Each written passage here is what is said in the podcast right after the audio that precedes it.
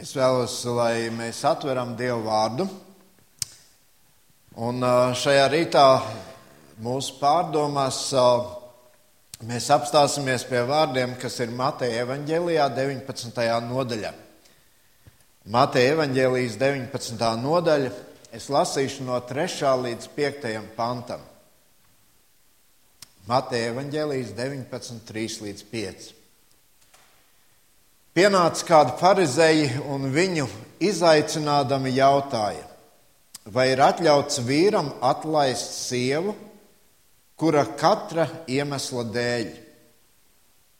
Jēzus tiem atbildēja, vai jūs neesat lasījuši, ka radītājs jau no iesākuma viņus radīja kā vīrieti un sievieti un sacīja, tādēļ cilvēks atstās tēvu un māti un pieķersies savai sievai, un tie būs viena miesa. Devis Tēvs, mēs lūdzam, lai Tu šajā brīdī lieto savu vārdu, runājot uz mums. Dievs, es gribu lūgt, lai arī to, ko tu man šajā dienā uztici, lai tas tiešām vispirms jau liek izskatīties man pašam sevi. Un uh, lai tas, ko varu šodien teikt, lai tas ir uh, iedrošinošs, stiprinošs, vārds, kas ceļ, vārds, kas uh, palīdz ieraudzīt tavu lielo žēlastību. Un uh, vārds, kas uh, palīdz ieraudzīt arī un piedzīvot tavu dziedināšanu. Debes Tēvs, uh, paldies par šo dienu, paldies par draugu, paldies par uh, to, ka tu esi mūsu vidū šodien un runātu pats mums. Āmen. Ja jūs sekojat līdzi mūsu svētkrunu tēmām, tad šodien mūsu tēma svētkrunu sērijai par Jēzus pavēlēm ir godiniet laulību. Un kāda varbūt domās, nu kas tad man Ar mani jau viss kārtībā. Kāds varbūt teiks, nu, šis jautājums, tas jau man neskar, es jau esmu pārāk vecs. Kāds varbūt teiks, ai, es vēl negribu par to domāt, tas viss vēl priekšā, es vēl gribu mierīgi dzīvot, nesatraucoties par šo jautājumu. Bet uh, pats jau pašas tēmas nosaukums rāda, ka tas neatiecas tikai uz cilvēkiem, kuri ir laulībā. Tas attiecas cilvēkiem, kuri varbūt vēl arī gatavojas tam. Tas attiecas arī uz cilvēkiem, kuriem varbūt tā viņu laulības dzīve ir jau kā tāda beigusies, varbūt kāds no viena vai otra pusīte jau ir mūžībā, bet šis vārds godiniet, tas liek mums domāt par to, ka mums laulība ir jāciena un ka tā ir augstu jāvērtē. Šī gada pirmajā dienā mēs bijām aizbraukuši pie maniem vecākiem. Tā ir viņu laulība diena. Šajā gadā mēs sveicām viņus 57. laulību dzimšanas dienā. 57 gadi, un kad es esot pie saviem vecākiem, savam tētim, kuram varbūt ir grūti savas domas jau viņu vecumā sakopot, jautāja, nu, kas bija tas, kas jums ir ļāvis tik daudz gadus kopā nodzīvot? Tad viņa atbilde bija ļoti vienkārša. Vai varēja būt savādāk? Es taču solījos. Es solījos Dievam, es solījos savai sievai. Ļoti vienkārša atbilde. Droši vien, ja es pajautātu arī savus sievas vecākiem, mammai, tētis, diemžēl, jau ir mūžībā, arī viņi daudzus gadus nodzīvoja kopā. Un droši vien tā atbilde būtu tieši tāda paša. Mēs taču solījāmies. Jā, mēs dzīvojam laikā, kad uh, tas spārnotais teiciens ir, nu kā var nesolīt? Kā var nesolīt, vai ne? Un daudz sola, un šo solījumu nepilda. Šo solījumu lauž. Jā, daudziem varbūt nav tā labā piemēra, ko viņi var ņemt no saviem vecākiem, no vecvecākiem, un tā tas iet paudzi no paudzes. Bieži vien uh, kaut kas pārtrūkst, un uh, daudzus uzaudzina viens no vecākiem. Bet, uh,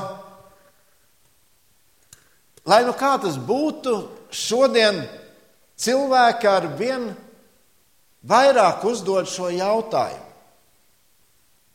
Kā godināt laulību, kā palikt uh, laulībā? Un uh, interesanti ir, ka uh, arī mūsu valstī, kur uh, laulība ir savienība starp vīrieti un sievieti, vai ne? Um, Šobrīd runā par to, ka, nu, ja cilvēki laulājās, viņiem vajag tur iziet speciālu sagatavošanas kursu un uh, iegūt uh, kaut kādus padomus, labus, un uh, tas ir labi, ja to var darīt. Un, uh, es dzirdēju, kāds mācītājs, kurš dzīvo gan citā valstī, uh, viņš satikās ar uh, vienu pāri, kuri arī pirms kāda laika valsts iestādē iesniedzot dokumentus, saņēma pretī tādu bukletu par laulību. Un, viņš saka, interesanti bija tas, ka pirmais punkts šajā bukletā bija, kā pareizi izšķirties. Tajā vietā, lai varbūt saņemtu kādus labus padomus, kā nodzīvot laulībā līdz galam, ir punkts, kā labāk izšķirties. Latvijā, diemžēl, statistika rāda, ka nedaudz vairāk kā 50% laulības tiek šķirtas. Uz tūkstotis laulībām, kas gadā tiek noslēgtas, 501 ir izšķirta. Tie ir dati par 2014. gadu. Bet uh, pirms tam ir bijis vēl lielāks skaitlis, gandrīz 75%, un, uh, un tā tālāk. Es skatījos gadu, kad man vecāki laulājās, uh, bija 20%. Uh, tā kā tas tāda nedaudz ievadā statistika, jā, bet um, cilvēki meklē atbildes. Meklē atbildes, kā padarīt laulību laimīgi, kā nodzīvot līdz galam, bieži vien tās atbildes tā arī neatrodas. Bet tā mana pārliecība ir, ka atbilde jau ir. Atbilde jau ir, un uh, it sevišķi mums, kas mēs ticam Kristum, tā atbilde ir Dieva vārdā. Un tāpēc šodien domājot par to godinu laulību, es gribu tieši par to domāt, ko Dievs saka par laulību. Bet pirms uh, mēs pie tā, es dažus, uh, dažus cilvēku domas tomēr gribu pateikt. Kāda sieviete saka, man uh, šīs saites ir jāsarauj. Kāpēc man vēl ir jāmokās? Dzīve ir pārāk īsa, lai visu to paciestu.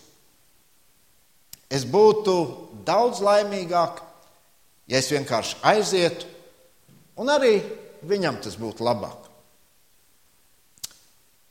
Vēl kāds cits cilvēks saka, mēs esam izmēģinājuši visu. Nekas nepalīdz. Viņš tik un tā domā, ka visam jānotiek pēc viņa prāta. Un tas ir bezcerīgi. Vienīgā izēja ir tikt no tā viss projām. Kad citi cilvēki domas, laulība vairs nenozīmē to pašu, ko agrāk. Priekš kam tāda formalitāte? Paskaties, cik daudz šķiras. Visi, pat ievērojami kristieši to dara. Kāpēc man jāpacieš mana neizdevusies laulība? Kāpēc man ir jābūt izņēmumam? Mēs varētu turpināt vēl un vēl. Šķiršanās, ārlaulības sakari, dažādi padomdevēji, alkohols, varbūt narkotikas, samierināšanās ar to, kas ir. Tie ir tikai dažā, daži veidi, kā cilvēki cenšas tikt galā ar problēmām savā laulības dzīvē. Bet, kā jau sacīju, mana pārliecība ir, ka ir kāds cits ceļš, labāks ceļš.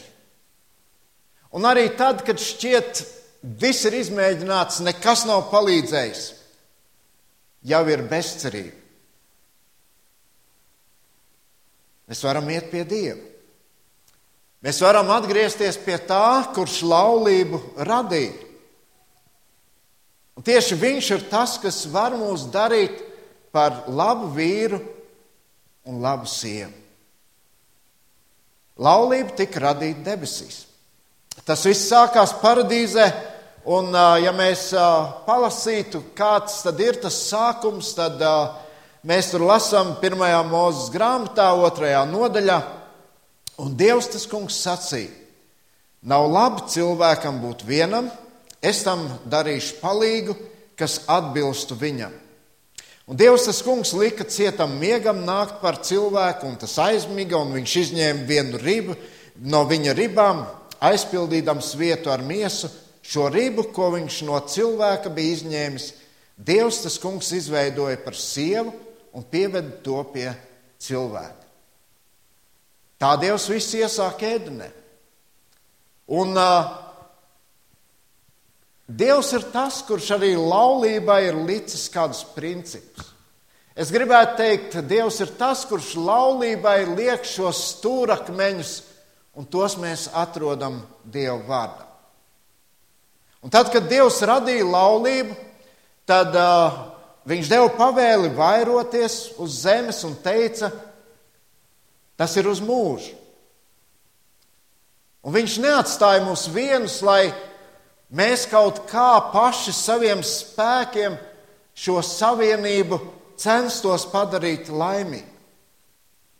Dievs caur savu vārdu mums ir devis šos padomus, kā laulība tiešām var būt laimīga.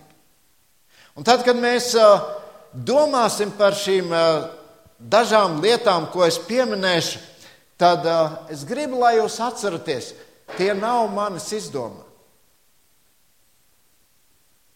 Tie nav kāda cita cilvēka izgudroti.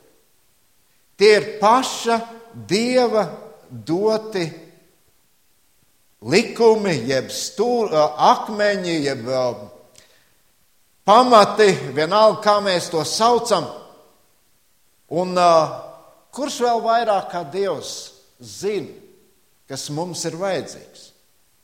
Kurš vēl vairāk kā Dievs ir ieinteresēts tajā, lai tas, ko Viņš ir paredzējis, lai tas tā arī notiktu. Un laulība ir tas, ko Dievs ir paredzējis. Mēs teiksim, nu labi, es jau varu ņemt šos dieva likumus, šos dieva padomus, bet tam otram cilvēkam no tā ne silts, ne augsts. Ja man Bībele kaut ko nozīmē, otram cilvēkam Bībele nav nekāda autoritāte.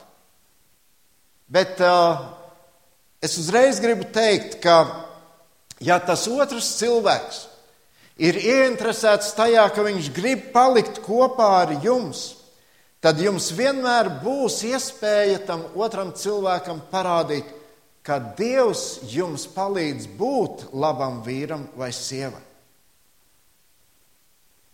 Un es zinu, ka mana sieva man vakar, kad es teicu, par ko man būs jārunā, viņa teica, es uzmanīgi klausīšos. Un, ziniet, kad es gatavojos šai dienai, es sev atkal un atkal uzdevu šo jautājumu, kā ir ar mani. Un uh, Tāpat laikā es gribu teikt, man atkal un atkal bija jāsaka, Dievs, oh, man vēl ir jāmācās. Mēs kopā esam nodzīvojuši 33 gadus. Paldies Dievam, un tā ir Dieva žēlstība.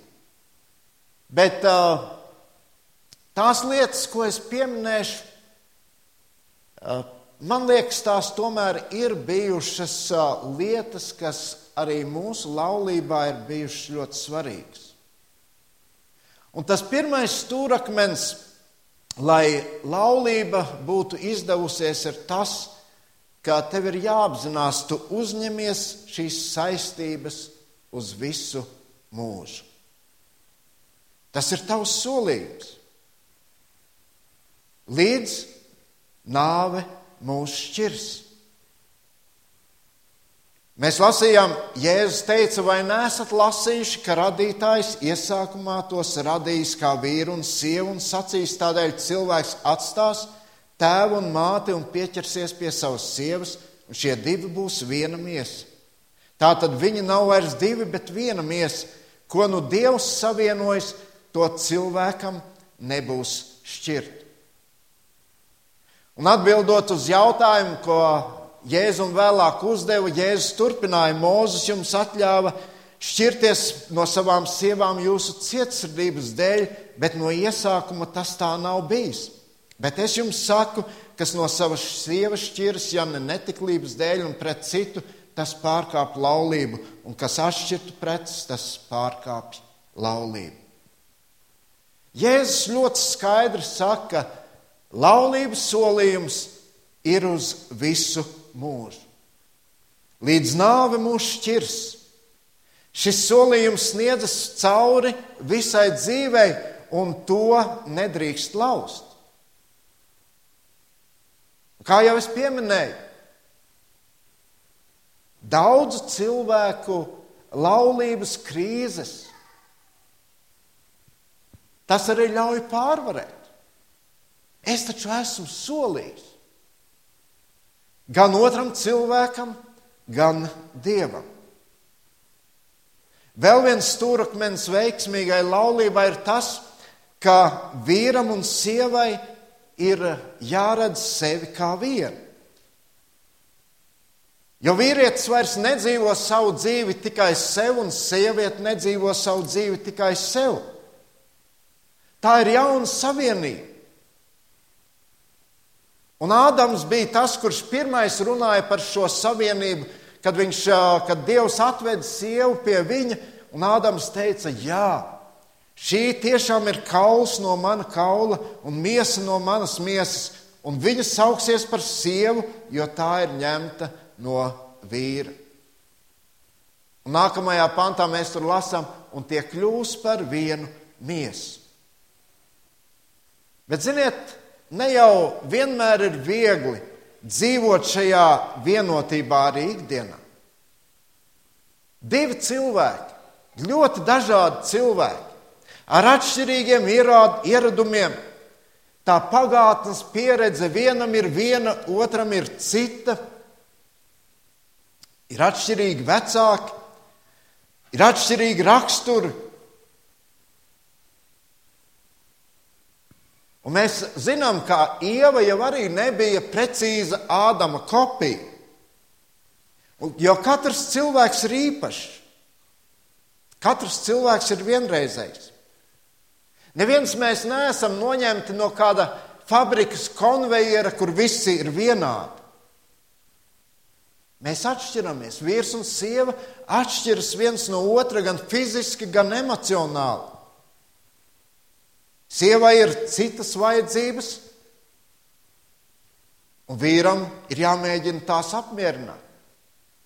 Un tikai sieva var apmierināt vīra vajadzības. Bībele saka, ka laulībā vīrietis un sieviete tiek savienoti. Viņi kļūst par vienu. Viņi iesaistās viens otru dzīvē. Un, ziniet, tas ir vienmēr tādā procesā. Un tur ir laiks nepieciešams, tur ir pacietība nepieciešama, tur ir piedošana nepieciešama, mīlestība. Lai šis viens varētu būt stiprs, un tad tas nes brīnišķīgus augļus. Divi ir viens. Kaut arī viņi ir atšķirīgi cilvēki ar ļoti dažādām, dažādiem raksturiem, ir šī apņemšanās, mēs iesim kopā šo dzīves ceļu. Uz to vajag balstīt savu laulības dzīvi. Trešais stūrakmens. Laulība ir ne tikai saistība uz visu mūžu starp diviem cilvēkiem, kuri ir viens, bet tā ir arī pilnīga uzticība, kur tā ir no vīra puses un arī no sievas puses. Uzticīgi viens otram. Un, ziniet, Bībele šajā jautājumā mums nedod nekādu brīvību. Vīriem, vīram ir jābūt uzticīgam savai sievai, un sievai ir jābūt uzticīgam savam vīram. Gudrais Salamans teica tādus brīnišķīgus vārdus. Salamana pamācības 6, 27, 28 un 29 pants. Vai kāds var saglabāt savā azotē uguni, lai nesāktu degt viņa drēbes? Kā varētu kāds staigāt pa kvēlojošām oglēm, lai nesadegtu viņa kājas? Tā klājas tam, kas labinās un iet pie sava tuvākās sievas, neviens nepaliks nesodīts, kas viņu aizskar. Tā ir negrozāma Bībeles un Dieva prasība būt uzticīgiem. Nekādu kompromisu. Un jau otrajā mūzes grāmatā, kur mēs uh, lasām par šiem baušļiem, kuri tika doti Sinai kalnā, Tur ļoti skaidri ir teikts, tev nebūs laulību pārkāpt. Jēzus to vairāk kārt piemin. Viņš sarunā ar bagāto jaunekli šīs pašas nodaļas 19. mateja evaņģēlī. Tālāk, kad mēs lasām, viņš piemin šo bausli. Kad mēs lasām Pāvila vēstules, mēs redzam, ka laulības pārkāpšana ir To Pāvils piemin kā pirmo sarakstā, kur ir pieminēti miesas grēki, galotiešiem 5. nodaļa. Laulība ir mūsu solījums būt uzticīgiem. To mēs sakām viens otram, tad, kad mēs laulājamies. Es solos būt uzticīgs. Šodien mēs dzīvojam sabiedrībā, kur pilnīga uzticība nav dabiska. Jā, jo mēs dzīvojam grēcīgā pasaulē. Un tas, ko mēs redzam, kur uh, varbūt vajadzētu daudz vairāk runāt par to, cik labi ir, ka tu vari būt uzticīgs. Šodien mēs daudz vairāk varam lasīt par to, kuru sievu kāds ir apprecējis, cik kuram ir mīļākās un tā tālāk.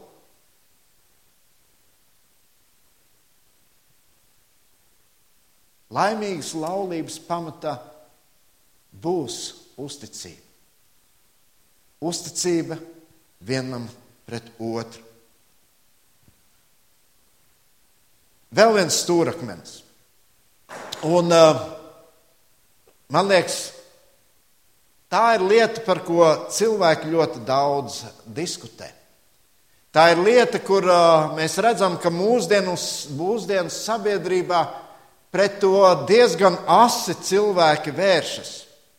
Jo cilvēkam liekas, nu, laiki ir mainījušies un uh, tās lomas, kas ir vīram ģimenē un kas ir sievai ģimenē, tās vairs nav tādas, kā mēs to varam izlasīt Bībelē. Šodien sievām saka, tev nevienam nav jāpakļaujas. Tev ir tādas pašas tiesības kā vīram. Vīram saka, tev ne par vienu nav jārūpējas. Rūpējies pats par sevi, neuztraucies par savu sievu. Bet es vēlos, lai mēs paskatāmies, ko Bībele par to saka. Un, uh, mēs jau lasījām no efeziešiem, no 5. nodaļas, un uh, tur ir rakstīts tā, bet es gribu, lai jūs ņemtu vērā, ka katra vīra galva ir Kristus, bet sievas galva ir vīrs, bet Kristus galva ir Dievs. Jo vīrs ir sievas galva. Ko tas nozīmē? Tas nozīmē, ka e, vīram ir jābūt šim atbildīgam vadītājam. Tas nenozīmē, ka vīrs ir diktators vai ka viņš kaut kā akli kalpo tikai sev. Un uh, bibliskais skatījums, kādai tad ir jābūt vīra vadībai ģimenē, laulībā, ir vadi mīlestībā, Seko Kristus mīlestības piemēram uz draugu, kā mēs lasījām Efeziešiem 5. nodaļā, vadi saprotoši, 1. pētera 3. nodaļa, 7. pants, vadi bez rūkuma sirdī, kolosiešiem 3.19. Un tavai mīlestībai pret sievu ir jābūt tikpat lielai kā mīlestībai pašam uz sevi. To saka Bībele. Un tas, ka vīrs, ko bieži vien varbūt vīrieši izceļ, man ir jābūt tam galvenam. Tas, ka vīrs ir iecelts par galvu, nenozīmē, ka viņš ir pārāks par sievu. Jo tas pats pants saka, ka, ka vīrs ir sievas galva, tas pats pants arī apgalvo, Dievs ir Kristus galva. Un mēs zinām, Dievs un Kristus Viņi pēc savas dabas ir vienādi. Vīram ir jābūt mīlošam, saprotošam, dievu pagodinošam vadītājam. Un sievai Bībele saka, pakļauties vīram. Esiet paklausīgi saviem vīriem, kā tam kungam. Tāpat sievas esiet paklausīgas saviem vīriem, Vecākās, lai pamāca jaunākās paklausīt saviem vīriem, tie ir tikai daži panti, ko es nolasu no jaunās derības.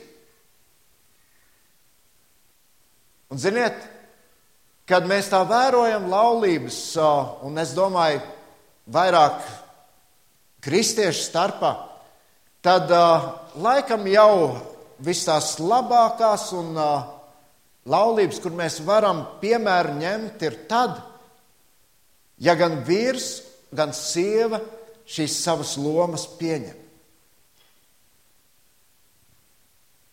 Padomājiet par šiem vārdiem, Kristus vārdiem. Tēvs ir lielāks nekā es. Kristus saka par savu tēvu. Ja jūs atceraties tos pantus, ko es lasīju, vīrs ir sievas galva, ko Kristus saka, bet viņš saka arī to, es un tēvs, mēs esam viens. Jēzus nāca uz šīs zemes, lai pilnībā piepildītu tēva gribas un plāna katru detaļu. Kaut arī viņš bija vienlīdzīgs ar tēvu, viņš tomēr pakļāva sevi tēvam. Un es domāju, tas ir tik skaists piemērs arī kādām būtu jābūt vīra un sievas lomai ģimene. ģimene. Abi ir svarīgi, abi ir nozīmīgi, abos ir vērts ieklausīties. Tas ir svarīgs stūrakmens. Nemēģināt grozīt šīs lomas, kā bieži vien šodien tas notiek, un tad attopamies, nē, tas tomēr nestrādā. Iesim pie nākošā stūrakmeņa. Nākošais stūrakmenis laulībai ir, un man liekas, tas ir ļoti saprotami. Tas ir, tā ir mīlestība. Mīlestība, kura ir patiesa, sirsnīga, tāda, kura pastāv gan labos, gan ļaunos brīžos. Mīlestība, kura spēj visu, mīlestība līdz galam. Katra laulība jau sākas ar mīlestību. Katra laulība sākas ar to, ka divi cilvēki, ieraugot viens otru, iepazīstot viens otru, novērtēja viens otru, sāka rūpēties viens par otru, solīja būt blakus labos un ļaunos dzīves brīžos. Tā sākas mīlestība laulībā. Un Bībelē ļoti konkrēti arī to saka: vīri, mīliet savas sievas. Un arī no sievām tiek sagaidīts tieši tas pats kā viņas mīlēs savu vīru. Atcerieties, tur vēstulē Titam Pāvils saka, lai vecākās sievietes pamāca jaunākās, kā mīlēt savus vīrus. Un, ja tiešām arī laulības dzīve tiek būvēta uz šiem pamatiem, tad, ja mēs parunātu ar cilvēkiem, tad vīri un sievas dzīvojot daudzus gadus, teiks vienu un to pašu. Mīlestība paliek aizvien stiprāka. Tā, protams, nerodas automātiski, ka tu pasaki šo solījumu vai tu apmainies ar gredzeniem. Nē, cilvēku dzīvēs pie tā ir jāstrādā.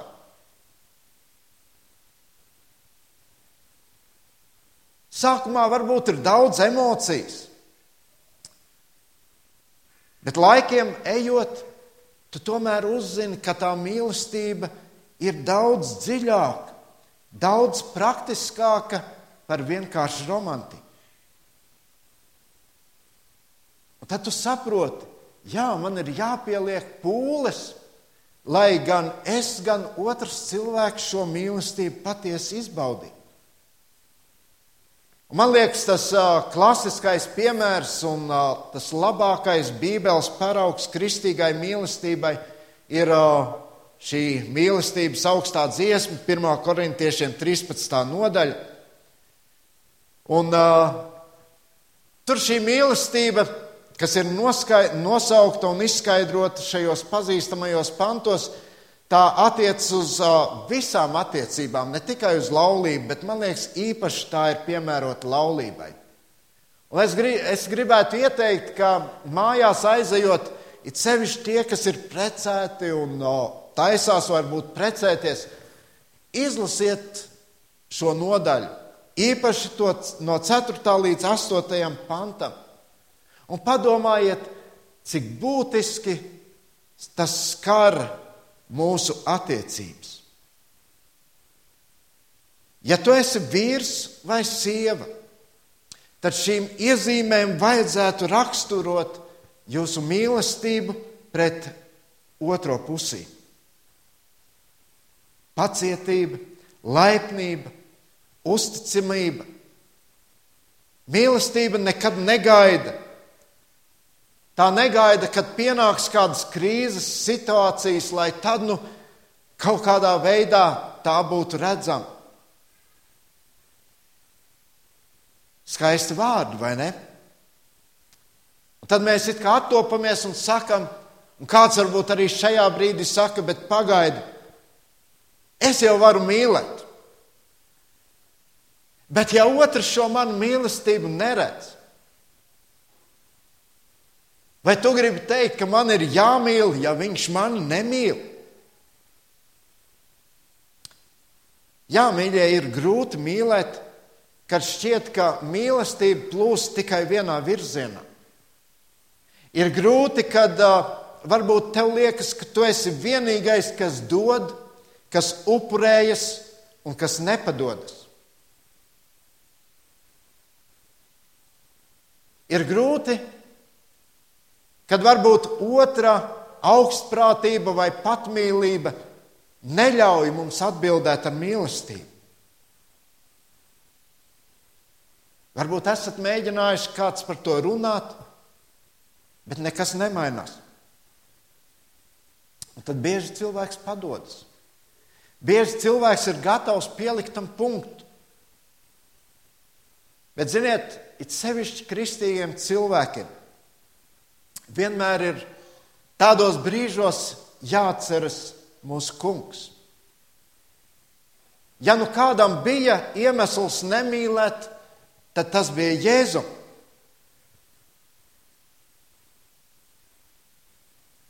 Viņš mīlēja bez kādiem ierobežojumiem. Viņš pat nomira pie krusta mūsu dēļ.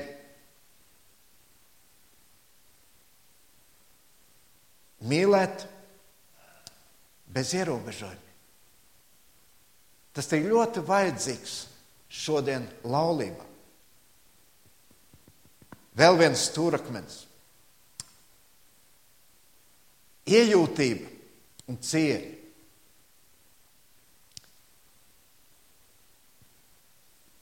Ja mēs šodien sabiedrībā šad un tad parāda tās smalkās aprindas un cilvēki tur iet un viņi ir kopā, vīrs un sieva, un pēc brīža jau tu dzirdēji, atkal kaut kas ir noticis, tas pāris ir izšķīries, katrs aizgājuši uz savu. Bieži vien laulības Laulībās cilvēki uzliek tādas maskas.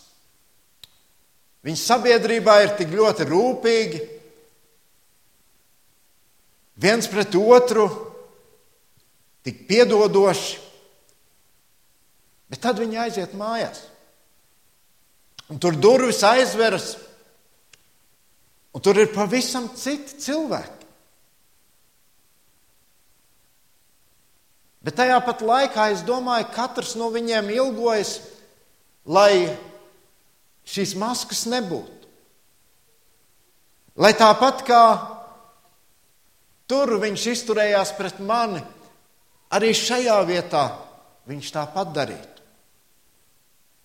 Un Pāvils ir tas, kurš dod kādu padomu. Viņš saka, Efeziešiem 4 no 31. katrs rūkums ātrsirdība, dusmas, bāršanās, zaimi, vispār katra ļaunprātība, lai ir tālu no jums. Bet esiet cits pret citu laipni un žēlsirdīgi, piedodiet cit citam, kā arī Dievs Kristu jums ir piedevis. Un es domāju, šī rakstu vieta ļoti noteikti attiecas arī uz vīriem un sievām laulībā. Pāvils teica par sievām, bet sieva lai jūt bijību pret savu vīru. Pēters teica, ka sievām ir jāpakļaujas saviem vīriem, un tad un viņš saka, ka jādarina savu uzvedību kā sārai, kura bija paklausīga Ābrahamam, saugdama viņu par kungu. Un tad Pēters tur tālāk, 7. pantā, viņš saka vīriem un teica, ka viņiem ir jāciena savas sievas. Viņš saka, sadzīvojiet prātīgi ar sievu. Un brāļi, vīri, tas ir aicinājums mums iepazīt savu sievu labi. Ne tikai saka, es esmu galvenais. Iepazīt sievu, cienīt viņas jūtas. Tam ir jābūt mūsu mērķim. Vai mēs zinām, kas mūsu sievām patīk? Vai mēs zinām, kas mūsu sievas nomierina? Vai mēs zinām, kas mūsu sievas sāpina un sadusmo? Ir jāmēģina saprast. Pēters saka, godājiet viņus kā vājāko radījumu. Un iedomājieties, vīri, ka tur ir piecas kastes sagatavotas, un tur katrā kastē kaut kas iekšā. Un tur ir uzrakstīts, vienā ir grāmatas, mēs viņu paņemam, varbūt smagi, bet aiznesam. Bet tad uz kādas kastes ir uzrakstīts plīstoši. Mēs zinām, jāņem ļoti uzmanīgi. Mēs to darām tā. Vai tikpat uzmanīgi mēs izturamies arī pret savām sievām? Bībele par to mums atgādina. Bet ir vēl viena lieta, un tā, man liekas, ka tā ir ļoti svarīga lieta, un pie tās es gribu apstāties. Es nezinu, cik man laiks ir, bet um, tas septītais stūrakmenis, ko gribu piemin, pieminēt, ir šī garīgā sadraudzība starp, un te es domāju īpaši starp kristīgiem laulātiem cilvēkiem. Un iespējams, ka, kā jau es sacīju, tas ir vissvarīgākais stūrakmenis laulībā, ka mums ir jāredz vienam otru kā garīgus partnerus. Mēs dodamies garīgajā ceļojumā. Mēs dodamies garīgajā ceļojumā kā Dieva bērni. Mēs dodamies pretī mūžībai ar Dievu, kurš mūs gaida. Un tā ir liela atšķirība, vai laulātie ir dievbijīgs vīrs un dievu mīloša sieva.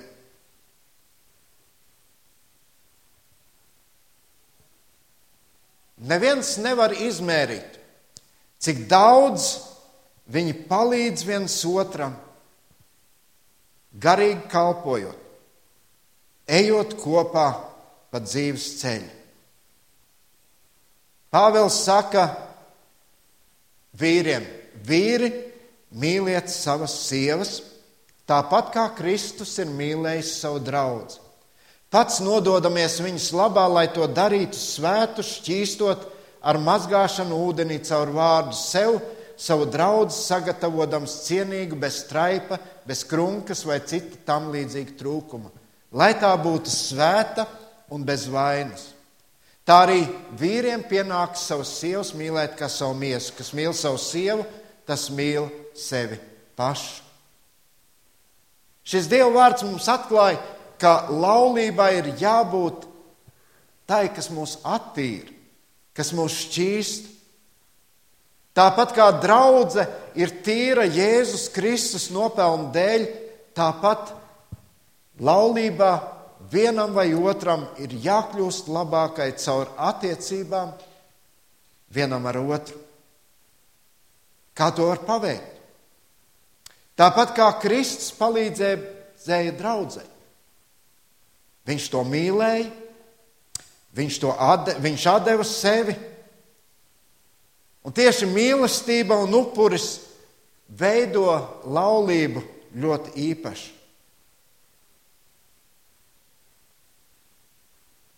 Vai mēs kopā kalpojam? Mīļie draugi, vai mēs kopā Dievu lūdzam? Vai mēs kopā meklējam Dievu gribu? Vai mēs kopā kalpojam Kristu? Vai mēs kopā audzinām bērnus dievbijībā? Vai mēs lūdzam viens par otru? Vai mēs stiprinām viens otru ticību, kad varbūt kāds sāk pagurt? Vai mēs palīdzam pieņemt Dieva vārda autoritāti arī tam otram cilvēkam?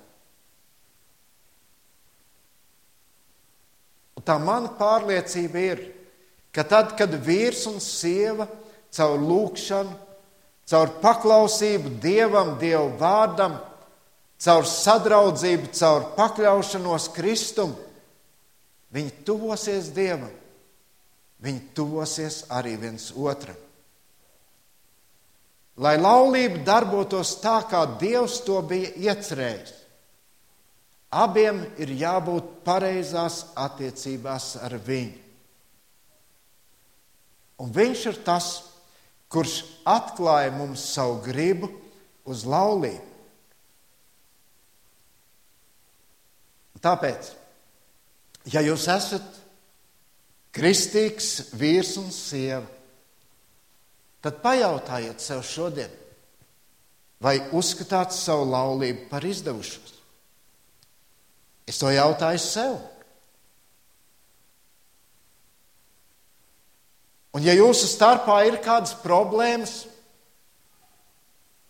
pajautājiet. Varbūt esat atstājuši novērtā attiecības ar Dievu, varbūt esat meklējuši atrast paši savu ceļu. Un, ja tas tā ir, tad tas, ko varu ieteikt jums, atveriet Bībeles, lūdziet Dievu. Nolieciet malā savu lepnumu, nolieciet malā sacelšanos pret Dievu, nolieciet malā savu stūrgalvību. Nožēlojiet Dievu priekšā. Un lūdziet, lai Viņš palīdz jūsu laulībā ielikt šos stūrakmeņus, par ko runā viņa vārds.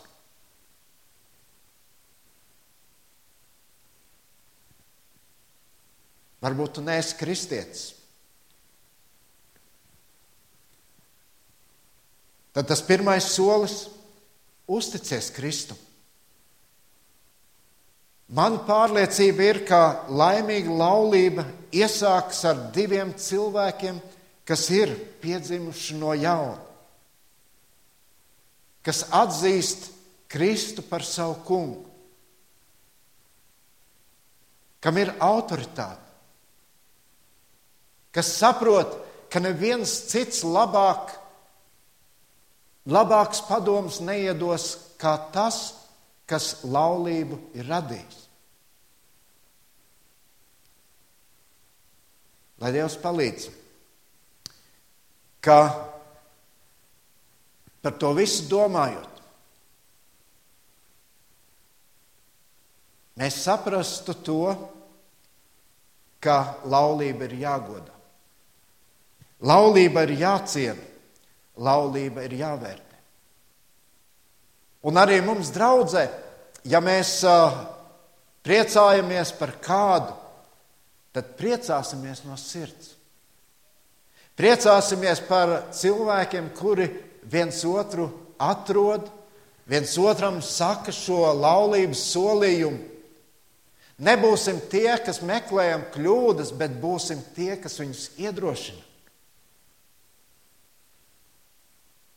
Nebūsim tie, kas mēģinam kaut kādā veidā norakt kādas attiecības, kas berzējam rokas, nu redz, kā viņiem tur iet.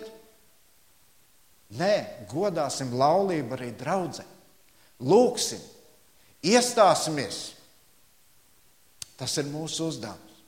Un lai Dievs mums katram uz to palīdz. Lūksim Dievu. Debes Tēvs, tu redzi mūsu Un paldies, ka tu mums šīs lietas atgādini. Un, jā, kungs, varbūt mums daudzreiz liekas, nu, ai, tas jau man neskar, bet uh, mēs dzīvojam tik strauji mainošā laikā. Un, un bieži vien daudzas lietas skar arī mūs. Un, pat lietas, ko mēs iepriekš nevarējām pat iedomāties. Jā, Dievs, Tās skar arī draugi, un uh, Dievs, es gribu lūgt, lai šīs pasaulīgās lietas, lai tu sargātu no tām draugu, lai tu sargātu no tām katru, katru kristieti. Debes Tēvs, uh, lai arī laulības, ģimenes būtu īpašā tavā aizsardzībā. Mēs, kungs, lūdzam, lai šajā laikā tu tiešām esi mums žēlīgs. Un paldies par šiem atgādinājumiem man. Paldies, ka tu daudz ko ļāvi izvērtēt man, manā dzīvē. Bet paldies, Kungs, ka tava žēlastība ir tik liela. Ka tu atkal no jauna mums atgādinot to saki, es turpinu par jums rūpēties. Es turpinu jūs mīlēt, es turpinu par jums gādāt. es turpinu par jums iestāties. Kaut tavs mēs arī tā spētu teikt par tiem cilvēkiem, kuri ir mums līdzās. Palīdz to man, palīdz to katram, kas šodien esam šeit. Āmen!